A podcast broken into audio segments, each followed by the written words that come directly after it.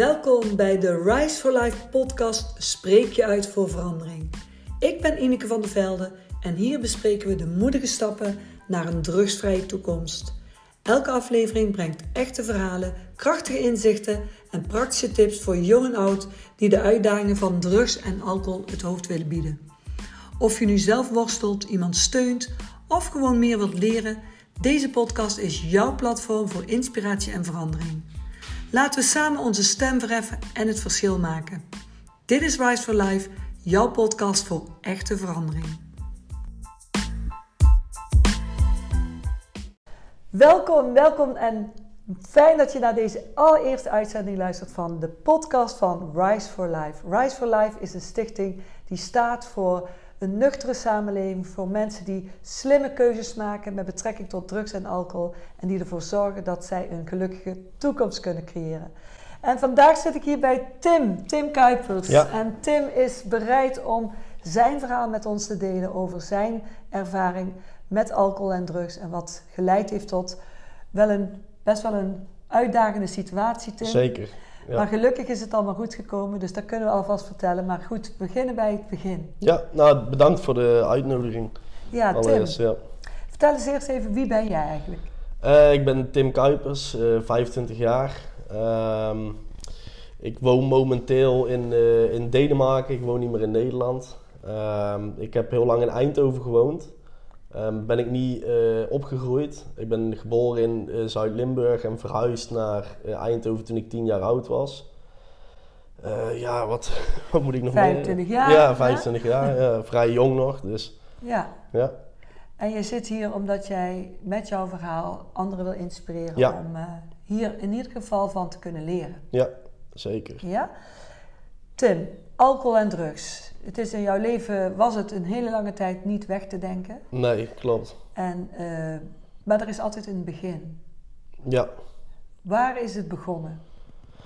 Um, en dan bedoel je specifiek alcohol en drugs? Ja, hoe is het, hoe bij, hoe is het in jouw leven terechtgekomen?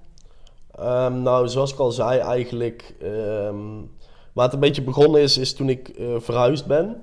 Uh, toen ik 11 jaar oud was, uh, ben ik verhuisd naar Eindhoven. Eh, en ik kwam eigenlijk uit een klein dorpje en je verhuist naar een stad, zeg maar. Ehm, ja, je komt op een nieuwe school terecht.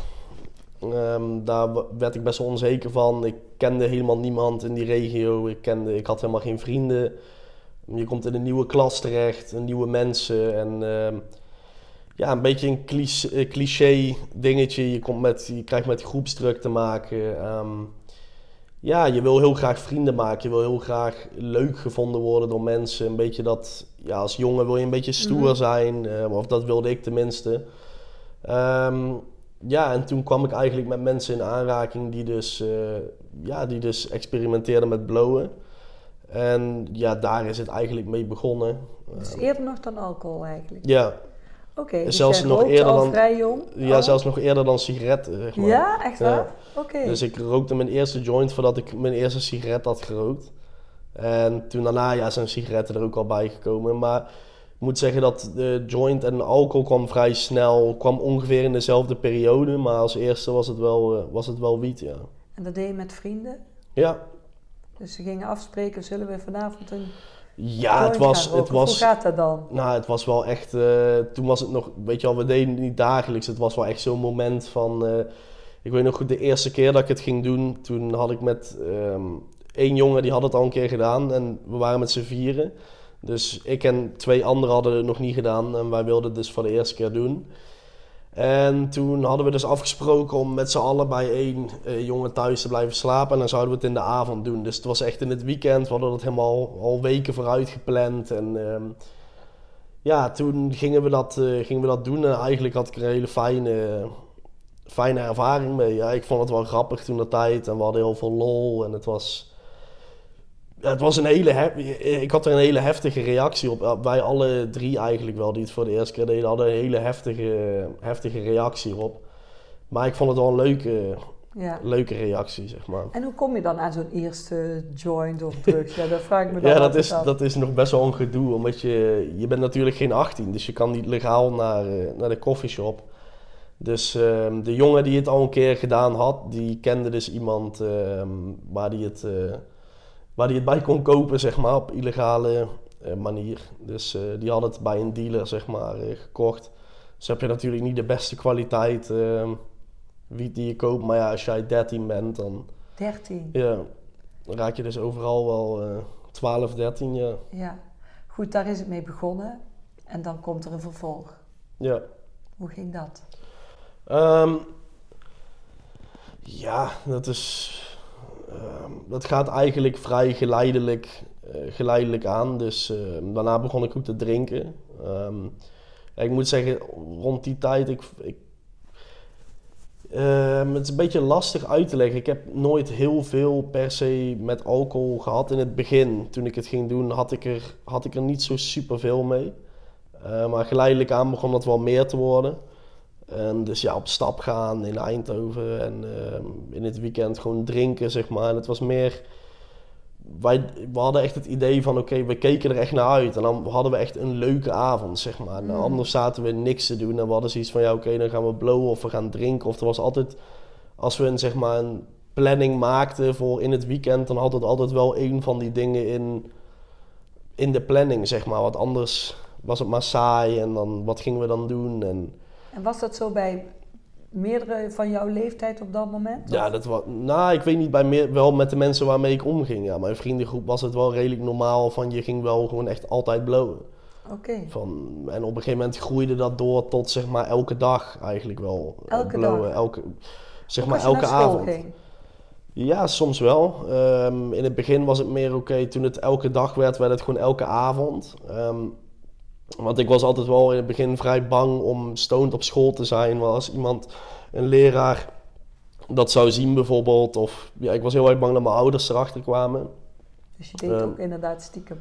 Ja, je, je deed het wel stiekem, Ja. ja. En ik kan me nog heel goed herinneren dat je bent dan jong en het meest eh, vervelende, je had elke avond had ik het probleem, oké, ik kwam thuis, eh, maar je had een bepaalde tijd dat ik thuis moest zijn, zeg maar eh, 11 of zo in de avond. En ehm, ja, ik kwam dan thuis, maar ehm, ja, mijn moeder die kijkt natuurlijk naar mij als ik thuis kom. Ja, je hebt dan een beetje rode ogen, dus het was altijd een beetje die discussie van ja, dat mijn moeder het een beetje wantrouwde. En ja, dat ik dan altijd met rare smoesjes kwam of met iets. En dus dat, ja, dat begon toen eigenlijk al dagelijks. Je moest dagelijks moest ik wel iets verzinnen om te kunnen zeggen al van tevoren. Dus Ja, dus je was al aan het denken, hoe ga ik dadelijk iets ver- verzinnen? Je liet ja, dus je, eigenlijk bent, je al... begint meteen Hè? eigenlijk te liegen, omdat je het niet... ehm, ik had niet echt het idee dat ik het op die leeftijd dat ik het tegen mijn ouders kon vertellen, zeg maar. Ja, Als ik het zou vertellen, dan zouden ze, zouden ze erop tegen zijn. En dan zou ik niet meer met mijn vrienden op mogen gaan. En dan zou ik eigenlijk niks meer mogen, zeg maar. Dus dus was je eigenlijk ook een beetje bang om je vrienden te verliezen dan? Als je... ja, ik was, ik was voor heel veel dingen wel bang. Ik was ook bang om het blowen zelf te verliezen. Omdat ik er wel... Voor mijn gevoel haalde ik er wel dingen uit. Ik haalde er een soort van ehm, leuke avonden uit, gezelligheid eh, met vrienden. Ik haalde er beetje rust uit. Ehm, het maakte niet uit of ik als ik alleen thuis was, normaal gesproken, dan ga je je op een gegeven moment vervelen. Maar als ik blode kon ik de hele dag op de bank liggen en je verveelde je eigenlijk nooit. Dus ik was best wel bang om al die dingen een beetje te verliezen, zeg maar. Dus was je eigenlijk toen al, zo jong, al een beetje van afhankelijk? Ja, ja ik, eh, ik moet zeggen dat ik best wel snel eh, afhankelijk raak van, eh, van dingen. Ehm, als ik iets probeer en ik vind het prettig, dan ga ik het ook echt wel vaker doen. Als ik er iets uithaal voor mijn gevoel, ik haal er een bepaald nut uit voor mezelf. Ehm, en eigenlijk komt het allemaal terug op, op het feit van je bent niet tevreden met Ja, wie je bent of Ja. je voelt je niet tevreden over wie je bent. dat is eigenlijk een hele mooie dat je dat Ja. zegt. Want als je kijkt naar jongere kinderen, hoe belangrijk is het dan om dan al vroeg te signaleren of, ze, of ze zich ergens on- ongemakkelijk over voelen? Hè? Ja, zeker. Het is.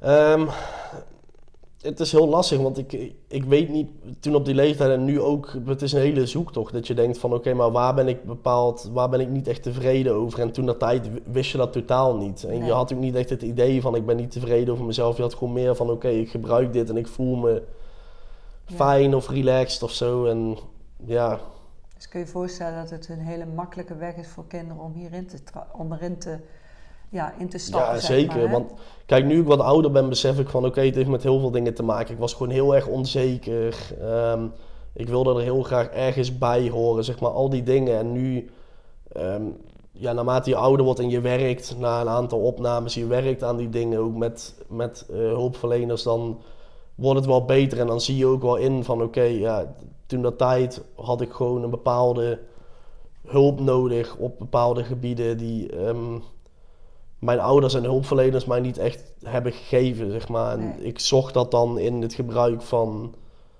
eh, van drugs, ja. Ja, als je nou terugkijkt, hè, wat, zou je, wat zou jou destijds hebben kunnen helpen om niet in deze valkuil te stappen? Heb je enig idee? Dat is misschien een heel lastige Ehm. vraag hoor, maar als je, nu, als je nu weer opnieuw jong zou zijn, wat zou jou hebben kunnen helpen om niet in deze richting te zijn? Nou, ik denk dat het heel moeilijk is, want eh, ze zeggen bijvoorbeeld ook, je ziet het wel eens op tv, dat ze zeggen van als jij in een bepaalde wijk opgroeit of je, dan heb je minder kans om, of dan heb je meer kans om de criminaliteit in te gaan. Ik denk dat het bij mij gewoon de pech was van oké, ehm, ik kwam in een klas terecht waar er al een aantal mensen waren die zeg maar, ehm, die dat al gedaan hadden. Ehm, ja, dat je gewoon de vrienden die ik maakte, zeg maar, of waar ik en dat, het is niet dat ik hun opzocht of hun mij, dat ging gewoon vanzelf. En ik kwam, we mochten elkaar gewoon en ja, toevallig bloden hun, zeg maar. Dus dan Ja. rol je er vanzelf, rol je erin. Dus ja, ik, Zo best bepalen dus met wie je in het begin... eh, zeker. Ik denk, dat, ik denk dat de groepen met wie je omgaat en de plekken op waar je komt en alles, dat dat heel erg bepalend is. Ik denk dat als ik bijvoorbeeld, en dat is een wat als, als je op een andere middelbare school had gezeten, je kwam bij andere mensen in de klas, dan ja, was je misschien, was dat heel anders gelopen. ja, Maar ja, in principe bij ik, ik, ik, ik heb er wel. Het is niet echt dat ik denk van, dat ik daar mee bezig ben van oh, dat had anders moeten lopen of zo. Nee, want het nee, dat gebeurt ook met een reden, weet je wel. Dat snap ik ook. En eh, je hebt nu ja, een ervaringsverhaal waar je Ja. heel veel mensen mee kunt helpen. Precies. Dus het heeft dan toch ook ergens nog weer nut Ja, en het, het, Maar goed, je bent ook een, eh, een, Dit was het begin, dat was nog leuk. Daar had je nog niet zo last van. ja. Maar op een gegeven moment kom je in situaties waar het toch wat minder makkelijk wordt of moeilijker eh, ja, uitdagingen komt te staan. Kun je daar iets over zeggen? Ehm, ja, het, het bouwt wel echt eh, geleidelijk op. Dus het is. ehm, het gaat gewoon met stapjes, zeg maar. Dus heel langzaam. Op een gegeven moment begon ik dan. ehm, ja, met eh, het gebruik van ecstasy en MDMA op, op eh, festivals. En ook. ehm, ja, ik, ik kan me nog heel goed herinneren. Ik deed dat voor de eerste keer op een festival. En ik was er heel lang was ik er best wel bang voor om dat te doen. Ehm, en toen had ik het een keer gedaan.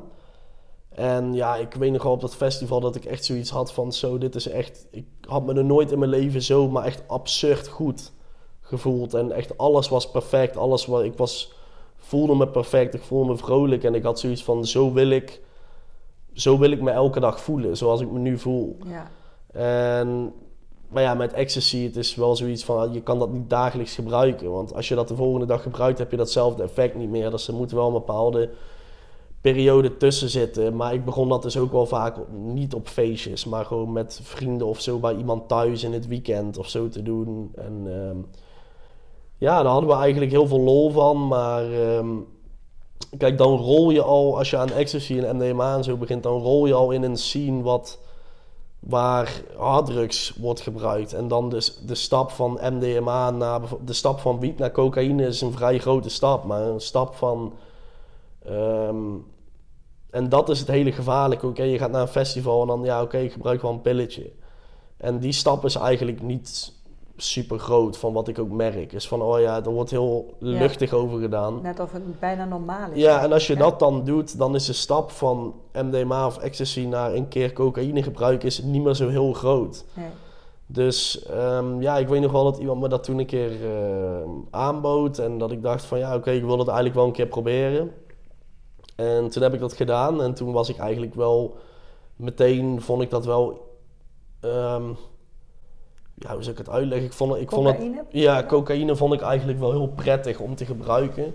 Ehm, omdat ik er zeg maar zelfverzekerder van werd. Dus wel omdat ik van nature zeg maar onzeker was en ik werd er wat, vooral de combinatie met alcohol samen werd ik wel wat zelfverzekerder van. En ik had wat meer energie en je nachten werden gewoon langer en je kon langer feesten en alles. Dus voor mij was dat heel prettig. Ehm, ik moet zeggen dat ik het toen wel echt steeds vaker ben gaan doen. Maar dat is, op een gegeven moment is dat gewoon uit de hand gelopen dat je dat echt dagelijks gaat gebruiken. En voornamelijk met, met cocaïne, omdat je dat... ehm, En snuif je daar? ja, ja, ja, dat snuif je. Je kan het ook roken, maar ik, ik, ik snoof het. En ehm, ja, op een gegeven moment ga je het dagelijks gebruiken, omdat het ook iets is. Met ecstasy bijvoorbeeld heb je zulke ogen. Dus iedereen ziet van, oké, die heeft iets op. Eh, met cocaïne hebben mensen het vaak niet echt, hoe hoef je het niet in de gaten te hebben dat iemand het gebruikt, zeg maar. Je kan het wel merken, maar dat is echt als iemand heel veel gebruikt heeft. Maar je hoeft het Ja. als iemand een snuifje neemt, ja, dat hoef jij, dat kan jouw buurman hier doen. En die kan je in de supermarkt tegenkomen en een normaal gesprek mee hebben. En daar heb je niks van in de gaten.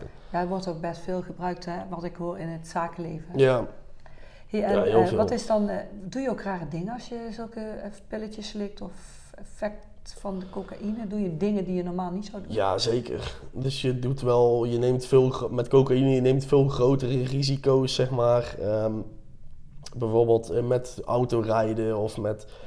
Je maakt wel gewoon domme keuzes waarvan je denkt van, oh, dat zou ik... eh, bij mij was het ook heel erg van, je gaat online en je koopt iets. Oh, En dan kijk. denk je van, want op dat moment leek dat een heel goed idee. En dan de volgende dag denk je van, oh fuck, weet je, wat heb ik nou gedaan? Of heb ik dit gekocht of dat? En je bent heel royaal met je geld uitgeven. En dan de volgende dag word je wakker en dan denk je, ja fuck, waarom heb ik dat gedaan, weet je wel? Ja, En cocaïne is ook een vrij dure druk om te ik heb gebruiken. geen idee wat het kost. Nou, je bent wel gewoon 50 tot 100 euro op een avond kwijt. Echt? Als je dat, als je, en als je echt, echt verslaafd bent en je gebruikt echt veel, kan je wel 200 euro op een avond kwijt zijn. En wat kost een ecstasy-pilletje? Ja, dat kost niks. Dat is misschien 2, 3 euro. Echt? Ja. Ligt eraan waar je het koopt natuurlijk, maar, ik kocht ze wel voor 2, 3 euro of zo. Vandaar dat het zo makkelijk is om Het is heel goedkoop, te ja. kiezen in plaats van alcohol of... eh, ja. Maar het is heel goedkoop en die- zeg maar, als jij een Exipo gebruikt, je hoeft heel de avond niks te drinken behalve een beetje water. Dus jouw hele festival is heel goedkoop als jij ecstasy gebruikt. In plaats van als jij gaat drinken op een festival, ben je, kan je 200, 300 euro uitgeven. Want Ja. ja. die prijs op een festival dat is echt absurd, zeg maar. ja. En eh, met ecstasy, ja, je, je hoeft eigenlijk, je haalt een paar flesjes water en dat is het. En meer, meer geef je eigenlijk niet uit. ja. Bijna een promotiefilmpje voor ecstasy. Ja, nee, nee, nee, maar het, het was ook niet, eh, zo, zo bedoel ik het ook niet, zeg maar. ehm, Nee, maar goed, Want- zo is het wel in de realiteit, hè? ja, want zo zien heel veel mensen het wel. En ik moet ook zeggen, kijk, we kunnen, eh, we kunnen wel, zeg maar, er een beetje omheen praten of Ja. zo, maar het is wel de realiteit dat gewoon heel veel mensen het gebruiken op, Ja. op festivals. En dat is ook het mooie van dit interview. Het gaat niet om mensen ergens op te wijzen. Het gaat om Nee. de verhalen. Het gaat om wat is er nou werkelijk aan de hand? Hoe werkt het? Zodat we daar ook bewust van zijn. Ja. En, en ook begrip, meer begrip kunnen krijgen dat er heel veel mensen uiteindelijk in de problemen gaan komen. Ja, want ik- wat ik gewoon meer aan mensen wil laten zien is van... ik ben niet per se anti, ehm, anti-ecstasy of anti naar festivals gaan... maar ik wil de mensen gewoon meer met dit laten weten van... oké, de stap, je maakt gewoon de stap veel kleiner. Van het is, als je da- daar eenmaal in zit in die scene... om dan verder, om die stap omhoog te maken naar andere eh, soorten harddrugs... Die, die stap die is heel klein. Ja, En dan wordt het heel gevaarlijk. Als je je eenmaal, als je heel veel in die scene bevindt, dan ben je wel een heel gevaarlijk spelletje aan het spelen. Zeg ja. maar. En dat spel heb jij gespeeld. En heeft... ja. dat is niet heel goed goed afgelopen. afgelopen, nou, nu wel, maar ja, dat Uit- heeft een hele lange periode is dat eh, heel erg niet goed gegaan, zeg maar. Ja. En goed, we zijn nu bij de stap festivals, ecstasy, cocaïne. Ja. Eh, wat is het effect van cocaïne de dag erna? Ehm, en ecstasy? Daar geen ecstasy heb ik een hele erge kater van. Ja? Of ik had er in ieder geval echt hele erge katers van. En Dus je kunt niet functioneren de dag erna. Nee, je, je hebt echt, eh, ik voelde me helemaal chemisch van binnen. Dus ook gewoon jouw, je kan de volgende dag, je kan bijna niks eten met je kaken pijn doen. Ja? En eh, je hebt bijna geen smaak in je mond. Ehm, Het is echt gif eigenlijk. het, is, het is echt pure chemische troep wat je erin gooit. Van cocaïne daarentegen heb je eigenlijk geen, eh, nauwelijks een kater. Ligt eraan of jij slaapt of niet. Als jij niet slaapt, ja, dan heb je natuurlijk, voel je moe. Maar voor de rest heb je niet echt een kater, nee. Ja. Je kan een beetje pijn in je neus hebben, maar dat is het. En eh, toen ging het verder. Cocaïne. Uh, ecstasy had je geëxperimenteerd. Ja, ehm, hoe kwam het dan en- tot een uiteindelijke ja, nou, moeilijke ehm, situatie, zeg maar? ehm, zeg- hoe bedoel je dat ik echt Je ging- dagelijks... ja, je ging het dagelijks gebruiken, je komt in een verslaving terecht. Ja. Hè?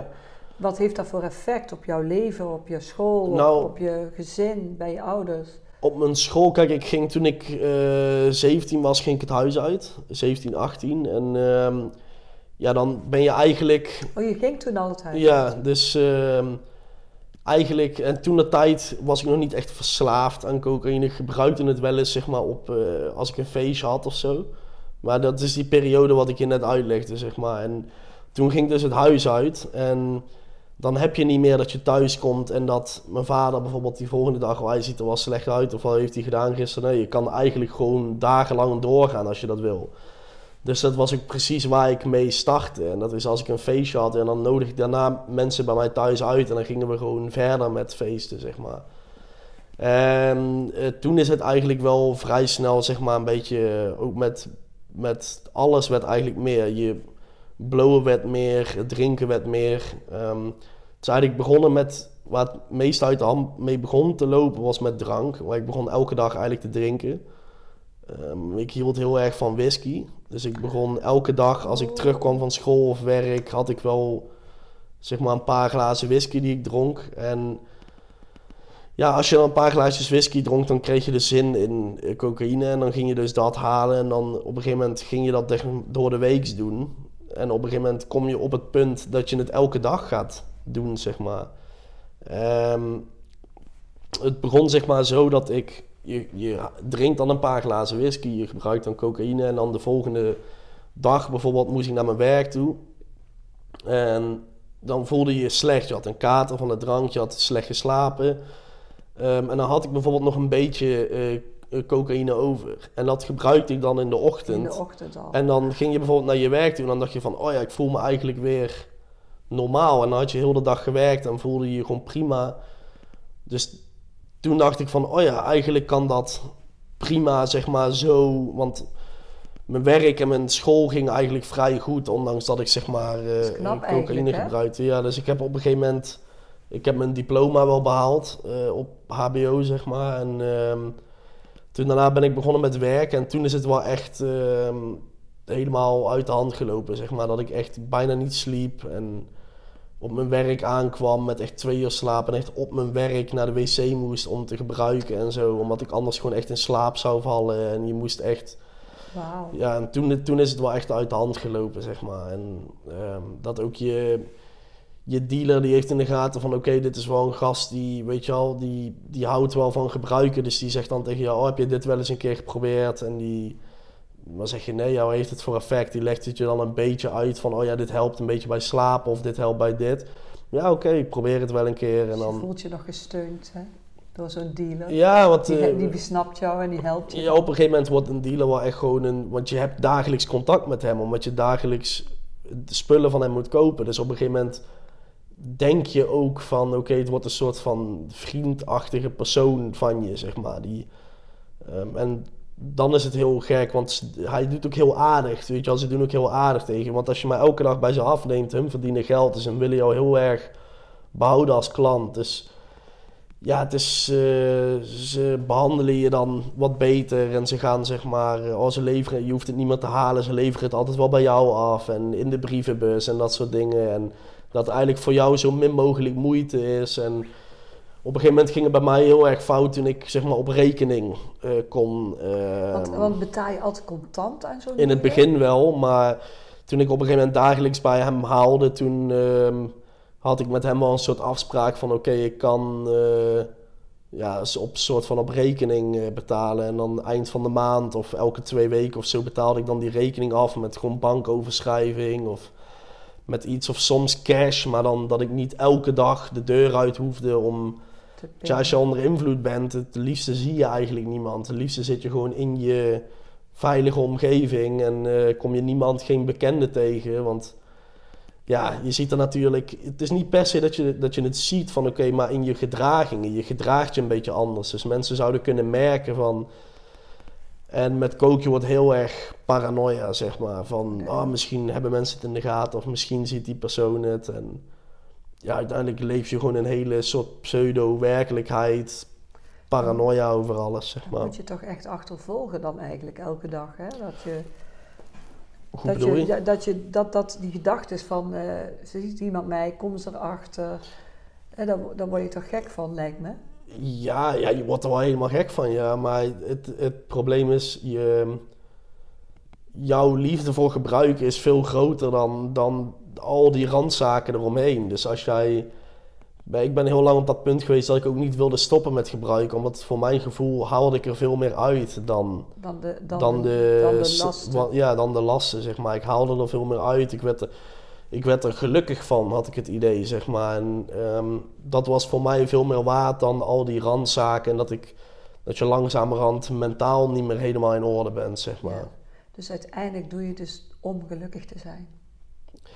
Ja, denk het wel. Eh, een stukje gelukkig zijn, een stukje... ehm, ja, het is een heel lastig gevoel om te omschrijven. Ik denk wel dat gelukkig zijn er het dichtst bij in de buurt komt, zeg maar. Ja, en hoe zat het dan met eh, relaties, vriendinnen of eh, relaties? Ehm, nou, ik, je date wel, maar ehm, het is heel lastig om echt iets op te bouwen met iemand. Want je, je schaamt je voor je gebruik, denk ik. ehm, nou, het ligt er een beetje aan, want eh, zeg maar, ehm, je date wel en bijvoorbeeld dat jij drinkt of zo. Ja, weet je wel, dat is bij mensen, als jij in die leeftijd zit van 21, 22 jaar.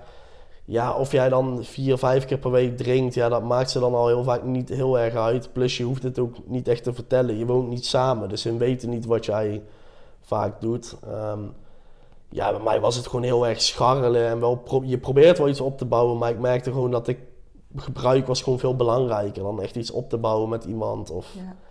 dus dat, dat maakt het dan heel erg lastig, zeg maar. En je wil wel heel graag ehm, iets opbouwen. Want het is wel een beetje wat, het, zeg maar, het- wat ik altijd als doel in mijn leven heb gehad. Dus ik wil heel graag een vrouw en kinderen. En, eh, maar ja, als jij eh, heel de dag zit te gebruiken, wordt het een beetje moeilijk. Ja. Ik bedoel, ik was ook wel zo realistisch van, ik, op dit moment kan dat gewoon niet. En ik had wel altijd het idee van, ik ga er uiteindelijk mee stoppen. En of me dat zelf lukt of ik moet naar een kliniek. Maar nu was zeg maar nog, dit was nog te vroeg. Ja. Ik wilde er nog een tijdje mee doorgaan en dan zou ik wel een keer die hulpvraag stellen. ja, ja, je stelt het elke keer uit. Je, je stelt het eigenlijk telkens Je uit. denkt- Van nu is het nog een beetje vroeg en ik ben nog jong en ik kan nog wel een paar jaar hiermee doorgaan. En dan... Had je het gevoel dat je ermee zou kunnen stoppen als jij dat zou willen? Dacht je Heel van, lang, oh, heb, ik- heel lang heb ik dat wel gedacht, ja. Ja. Totdat ik dat echt maandenlang elke dag geprobeerd heb. En dat het elke dag niet lukte. En nog steeds stelde ik zelf eigenlijk niet die, die hulpvraag. Omdat ik er... Nog steeds wilde ik er eigenlijk niet Nee. mee stoppen. Ergens wilde jij helemaal niet er vanaf. van Nee, je, wil, je wilde er eigenlijk helemaal... En dat heeft heel lang geduurd voordat ik er echt vanaf wilde. En hoe kom je dan aan al dat geld? Want daar vraag ik me dan ook altijd af. Hè? Ehm, Want het kost je Nou, je- vermogen natuurlijk. Eh, je werkt. ehm, dus ja, ik verdiende dan wel redelijk, zeg maar, 2300 euro eh, netto per maand. Nou, dat gaat bijna allemaal volledig uit aan, eh, aan drugs en drank. Plus ik had een, eh, een, een spaarrekening waar mijn, mijn oma's en opa's en mijn ouders eigenlijk mijn een levensrekening waar ze heel mijn leven lang geld bij elke bij communies, verjaardagen, ja, waar ze geld op hebben gestort. En daar kon ik, toen ik 21 was, kon ik daar dus bij, bij dat geld. Ik kreeg een melding van de bank van, ja, je kan bij dat geld. En ik zag dat geld altijd al staan in mijn app, maar ik kon er niks mee, omdat ik dus, die, mijn ouders dat hadden ingesteld tot ik 21 was. En toen ik eh, 21 was, kon ik dus bij dat geld. En ehm, ja, toen is, heb ik dat eigenlijk, eh, denk 90% van dat geld heb ik dus verbrast in een paar jaar tijd. zo. Dus ik, ik gebruikte elke maand mijn volledige salaris op. Plus ik gaf dan nog 500 tot 1000 euro per maand van die spaarrekening uit aan. eh, Help. ja. En je hoort vaak dat mensen die verslaving hebben in het eh, criminele circuit terechtkomen. Is Ehm, dat ook iets wat jou is overkomen? Als, nou, misschien een heel kwetsbare vraag. maar- niet, eh, niet heel, eh, heel heftig, nee. Maar ik ben, je gaat wel dingen stelen, et cetera. Het is niet dat ik een hele erge crimineel was, maar ik, ik was wel een dief, ja. Dus ik kon wel dingen stelen en... eh, bijvoorbeeld dat je naar een eh, supermarkt gaat en dat je de drank steelt in plaats van dat je het betaalt. Of dat jij ehm, bijvoorbeeld van, eh, van mijn moeder heb ik bijvoorbeeld wel heel veel drank uit haar huis gestolen, uit haar kelder. S S'nachts daar naar binnen gaan met de sleutel en onder invloed en gewoon de drank uh, wegpakken. Ja, dat soort dingen eigenlijk. Gewoon heel Ja. veel stelen, in winkels stelen, ehm, mensen een beetje oplichten, zeg maar. eh, dat soort dingen, zeg maar. Je wordt gewoon een heel onbetrouwbaar persoon eigenlijk. Ehm, je, je liegt over alles en je... Ja, een beetje dat soort dingen, zeg maar. En ook wel eens voor... ehm, helemaal op het einde van mijn verslaving dan ook wel eens wat voor die dealer doen, zeg maar. Dus gewoon... ehm, voor hem een keer ergens naartoe rijden of zo. Of zeg maar dat hij zei van... eh, ja, kan jij niet even dit naar die persoon brengen? Ja, dat je dat dan deed. Maar eh, buiten dat niet echt... eh, niet heel veel Ja. echt serieuze criminele dingen. Omdat ik natuurlijk die spaarrekening had. Ja, ja. Als ik dat niet had, dan was het wel... Ja, je, geworden, je doet op een gegeven moment... Doe je wel alles om zeg maar aan, eh, aan je geld te komen, zeg maar. Ja. Ik vind het heel dapper dat je het vertelt. Ja. Want dat is Dankjewel. natuurlijk niet iets waar je volgens mij heel trots op bent. Nee, nee, het is niet waar je, waar je heel trots op bent, nee. Nee, maar goed, u weet nu dat het verleden tijd is. Ja, En, eh, en dat je het deelt met anderen om ze uiteindelijk te behoeden. Ik denk dat dit een heel mooie afronding is voor dit Ja. eerste deel. Want eh, we zitten een beetje op zo'n cliffhanger en wat nu en wat gaat er Ja. dan gebeuren. Maar dat Ja. laten we gewoon mooi voor een volgende podcast. zeker. Dat is goed. Dankjewel Tim. Wil je nog iets eh, aan de luisteraar vertellen? Ehm, nou, dankjewel ja, voor je het hebt heel je luisteren. verhaal aan, aan de luisteraar Ja, verteld. Maar misschien een bepaalde boodschap je wil richten aan de luisteraar. Ja, dus ehm, ja, allereerst bedankt voor het luisteren. Ik zou zeggen, blijf luisteren, want er komen nog eh, twee andere afleveringen aan waarbij, ik, ja, waarbij je heel mijn verhaal eigenlijk kan volgen. Ehm dit is natuurlijk maar een, stukje, maar er komt nog veel meer. Eh, waarbij we een beetje meer de diepte ingaan. Dus eh, ja, ik zou zeggen, als je interessant vindt en je wil nog meer daarvan eh, leren, zeg maar, om voor je kind of voor jezelf, om je ergens voor te behoeden, dan zou ik zeker blijven kijken. Zeker. En mocht je vragen hebben of dat je denkt, ik heb een situatie waar ik geen raad mee weet, of ik zit zelf in een situatie, of ik ken iemand. Bij Rise for Life helpen we heel graag om de juiste weg te vinden. Wij zijn zelf niet de hulpverleners. Wij zijn alleen maar een stichting die in ieder geval bewust, bewustwording wil creëren, zodat mensen die op zoek zijn naar een uitweg, daar ook een uitweg in kunnen vinden. Dankjewel voor het luisteren. En Tim, jij ontzettend bedankt. Ja, graag gedaan.